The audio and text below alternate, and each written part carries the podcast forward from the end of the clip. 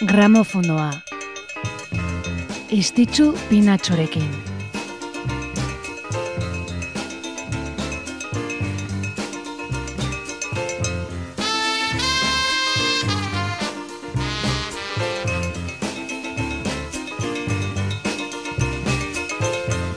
Gabon, Gabon eta ongi etorri gramofonora musika efemeriden saiora. Maiatzan sartu gara, asteburu luze xau batek lagunduta gainera, eta hasie gara gargero udaberri giro hori sumatzen gure kaleetan. Gaur asteazkena maiatzaren irua dugu beraz, eta hori izanen dugu ardatz, gaurko gramofonoan, maiatzaren iruko gertakariak errepasatuko ditugulako, oiko formatuan, eta aurrengo ordu erditxo honetan. Hasiko gara beraz, eta lendabiziko honekin denboran atzera eginen dugu. Every morning at half past four, you hear the cooks hop on the floor. It's hard times in the mill, my love, hard times in the mill. Every morning just at five, gotta get up, dead or alive. It's hard times in the mill, my love, hard times in the mill. Every morning right at six, don't that old bell make you sick? Hard times in the mill, my love, hard times in the mill.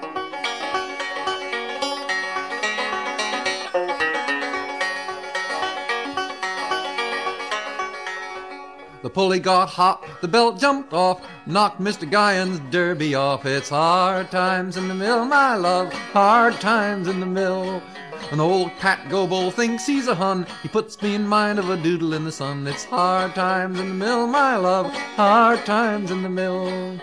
Sexton Hanny thinks he's a man. He ain't got sense to pay off his hands. It's hard times in the mill, my love, hard times in the mill. They steal his ring, they steal his knife, steal everything but his big fat wife. It's hard times in the mill, my love, hard times in the mill. My bobbin's all out, my end's all down, the doffer's in my alley. Pit sigarrekin ireki dugu gaur saioa, mila bederatzerun da emeretziko maiatzaren iruan jaiozelako New Yorken Pit Seeger. Folk generoan funtsezko figura izan zen musikaria handi hau. Berrogeiko amarkadan e, ja oikoa zen irrati nazionaletan, eta berrogeita amarreko amarkadaren hasieran hainbat hit argitaratu zitun The Weavers taldearekin zerrendetan lehen postuetara ailetu zirenak. Bos sokako banjoa ezagun egintzun eta konpositore gisa hainbat e, klasikoren egile izategatik egintzen ezagun, beretzako kantuak eginez zein e, bertze artista batzuentzako ere. Bere ibilbideak gorakada handia izan zuen hippie mugimenduaren baitan, irurogeiko amarkadan, bai bere komposizioen kalitateagatik, bino baita ere kon, bere kompromiso sozialaren gatik, izan ere eskubide zibilen alde eta nazioarteko armagabetzea eta baita ingurumenaren kontserbazioa defendatu ze militantzia handia egintzun. Bino horrek ondorioak ere izan zitun, Amerikaren aurkako gaietarako batzordeak jazarpen politikoa egintziolako, Pitzigerre espetxe zigorrera kondenatuz eta tokiko komunikabideetan e, zentsuratuz. 2008ko urtarrilaren hogeita zazpian zenduzen, larogeita amalau urte zitula Pit Siger.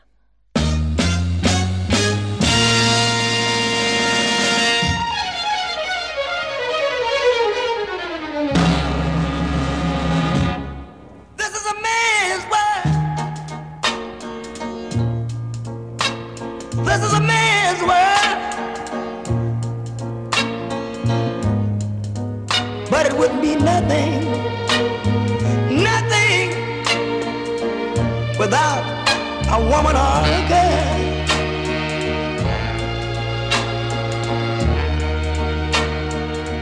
You see, man made the car. Izen garrantzitsuak maiatzaren iruko gramofono hau irekitzeko, gaurko egunekoa zelako baitare James Brown, soularen aita bitxia. Eta bitxia dena zera da, James Brownen eh, hasierak musikaren eh, industria honetan. Izan ez ere, mila bederatzerun da berrogeita mabian, James Brown eh, preso zela, preso zegola, lapurreta armatuagatik kondenatua izan ondotik, ritman blueseko abeslari batek, eh, Bobby Birdek, gainontzeko presoak entretenitzen eh, arrap, arrapatuzun James, espetxean abesten eta dantzan ari zela. Eta hain gelditu zen txundituta Bobby Bird, fidantza ordaindu eta urrengo hogei urteetan bere karrera zuzen duzula. without a woman a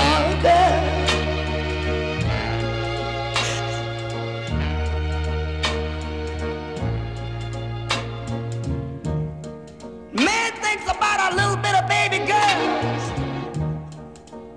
and a baby boys. Man make them happy Cause man make them toys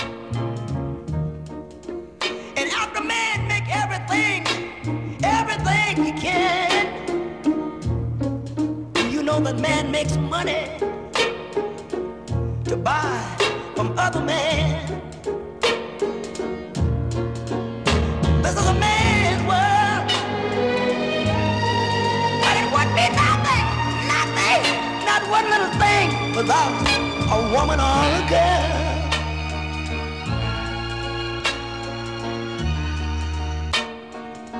Lost James Brownen klasiko haundienetako bat aditutugu, It's a Man's World. Bino erran beharra da baitare artista handia izan bazen ere, indarkeria, bortxaketa eta abusu salaketa ugari izan zitula. Adikzioak, gehiagikeriak, eh, indarkeria, abusua... 2006an zendu zen irurogeita mairu urterekin neumonia baten ondorioz James Brown.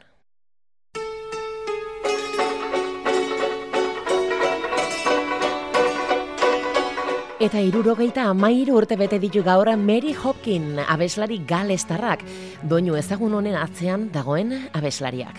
Once upon a time there was a tavern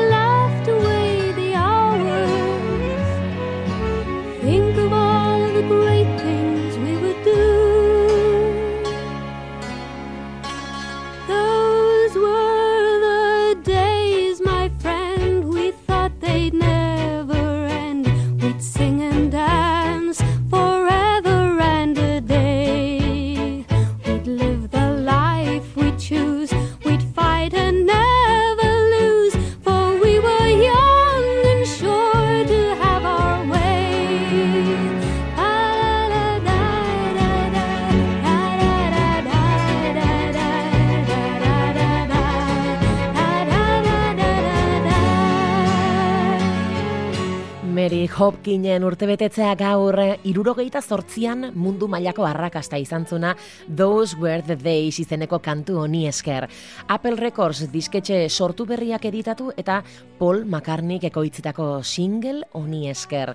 Lehena izan zen erresuma batuan top bortzean egontzen estatu batuetan eta zortzi milioi kopia bino gehiago saldu zitun. Bera da Mary Hopkin.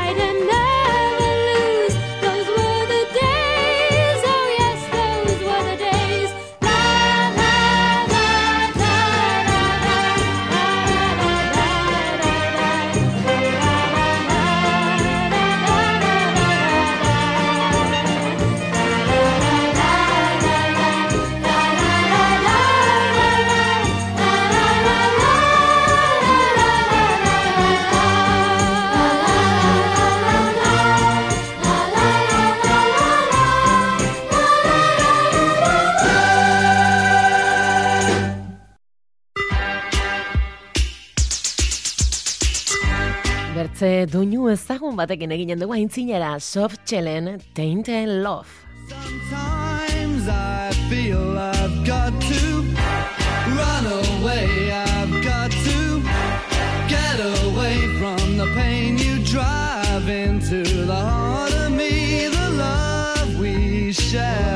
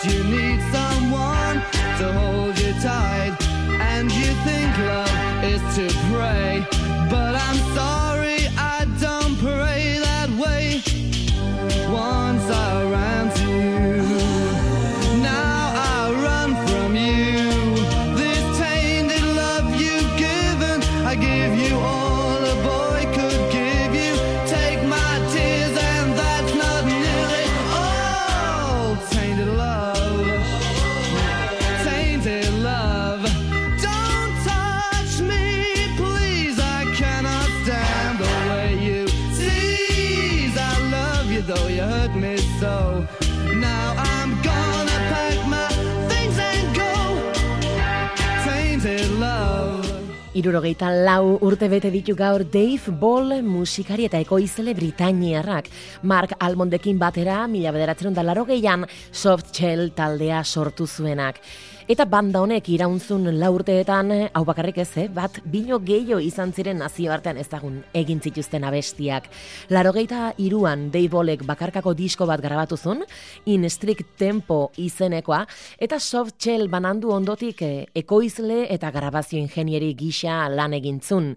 Larogeita zortzian Richard Norrisekin The Grid eh, taldea sortu zuen, bino 2000 batean berriro ere Mark Almondekin elkartu eta Soft Shell martxan jarri zuten berriro ere. Arrezkero, album berri bat eta grabazio zarren bilduma bat argitaratu dituzte. Erran bezala ba, irurogeita lau urte gaur Dave Bolek. Gramofonoa, istitzu pinatxorekin. Eta etxera etorriko gara orain Euskal Herrira bertan badugulako baitare, gaur urte bat gehiago gehitu dun musikari zoragarri bat. Inor begira izan da ere, berdin egin nahi nuke. Inor begira izan da ere,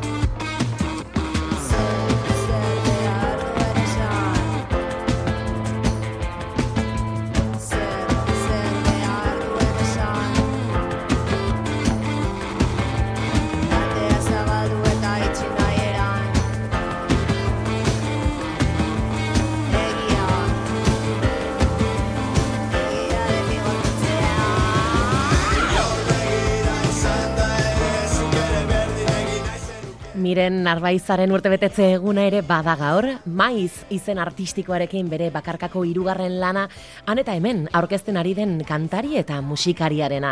Eibartarra da bera, bino araban bizi da miren, eta lautada izeneko album honekin bertako paisaiari keinu egin nahi izan dio. Disko honetan larogeita margarren amarkadako indie rock doinuak soinu eta efektu elektronikoekin fusionatu ditu, inor begira izan da ere izeneko kantu honetan aditu izan dugun moduan. Joseba Balestena, Ibai Gogortza, Inigo Telletxea, Aitor García de Bikuña eta Mikel Sánchez izan ditu onduan mirenek horretarako eta erran bezala kontzertuz kontzertuari da azken disko borobil hau aurkezten. Hogeita mazazpi urte bete ditu gaur, eta hemendik ba, mireni, besarkada estu bat bidaltzeko probestuko dugu, aitzakia.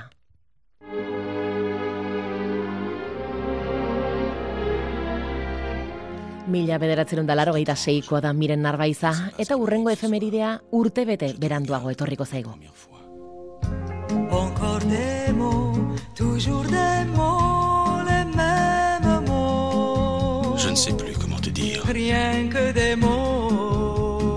Tu es cette belle histoire d'amour que je ne cesserai jamais de Des lire. mots faciles, des mots fragiles, c'était trop beau. Tu es d'hier et de demain, Bien trop beau. de toujours, ma seule vérité. Mais c'est. Bertze kantu ezagun honetan aditzen duguna dali da mila bederatzireun da larogeita zazpiko maiatzaren iruan bere buruaz bertze egintzun aktore eta beslari frantsesa. Irurogeiko eta irurogeita marreko amarkadetan nazioarteko arrakasta izan zuen dalidak, bera izan zen diamantezko disko bat jasozun lehen emakumezko abeslaria. Larogeita batean gertatu zen hau, bino ez hori bakarrik, bere ibilbide guzian zehar zazpi hizkuntzatan interpretatutako urrezko berrogeita amabortz disko lortu zitun, eta eunda irurogeita mar milioi disko saldu zituen guztira. Hemen adituko dugun parole parole bezalako kantuei esker, bera da, dalida.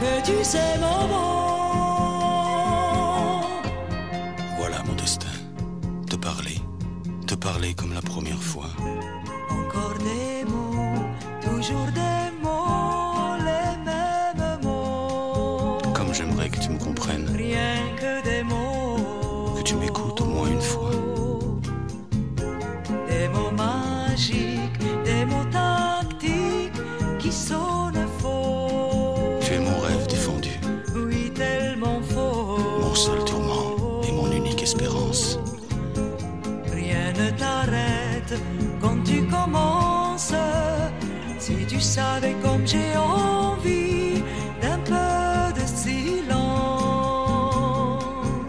Tu es pour moi la seule musique qui fait danser les étoiles sur les dunes. Caramel, bonbon et chocolat. Si tu n'existais pas déjà, je t'inventerais. Merci pas pour moi, mais tu peux bien les offrir à une autre qui aime les étoiles sur les dunes. Moi, les mots tendres enrobés de douceur se posent sur ma bouche, mais jamais sur mon cœur. Encore un mot, juste une parole. Parole, parole, parole, Écoute-moi, parole, parole, parole. je t'en prie, Parole, parole, parole. je te jure.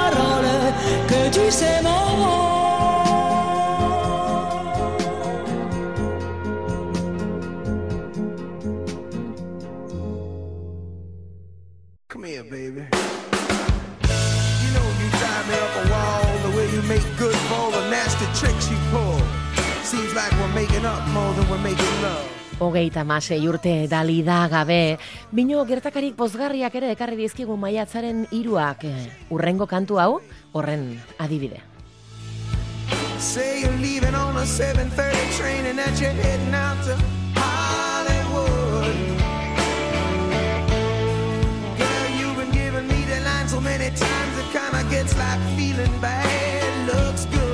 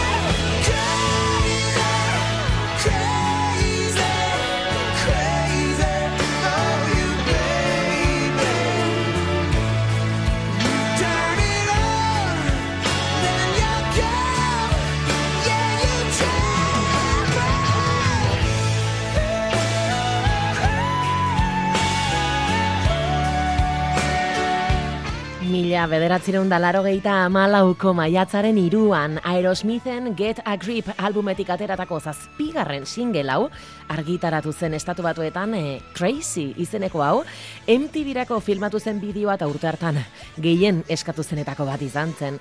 Bertan Alicia Silverstone aktorea agertzen zen Liv Tylerrekin batera Steven Tyler taldeko abeslarianen alaba nerabea da hau Eta hot euneko amazazpigarren postua lortuzun Crazy honek eta taldeari irugarren Grammy saria aletu zitzaion kantu honekin, eh?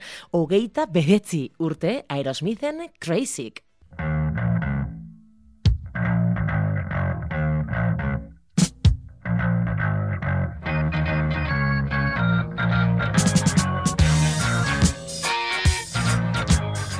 Eta letu gara, beti nahi bino lehenago saioaren bukaerara.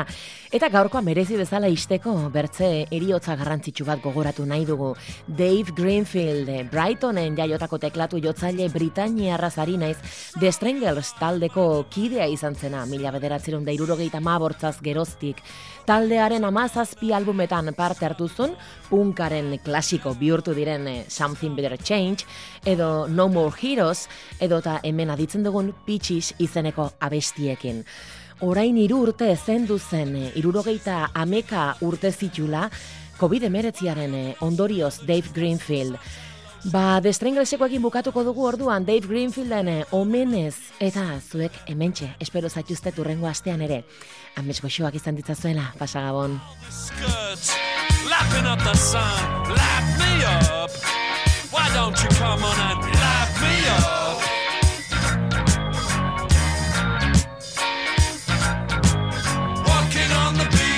Looking at the beaches. Well, there goes another one just lying down on the sand dunes. I better go take a swim and see if I can cool down a little bit. Cause you and me, woman, we got a lot of things on our minds,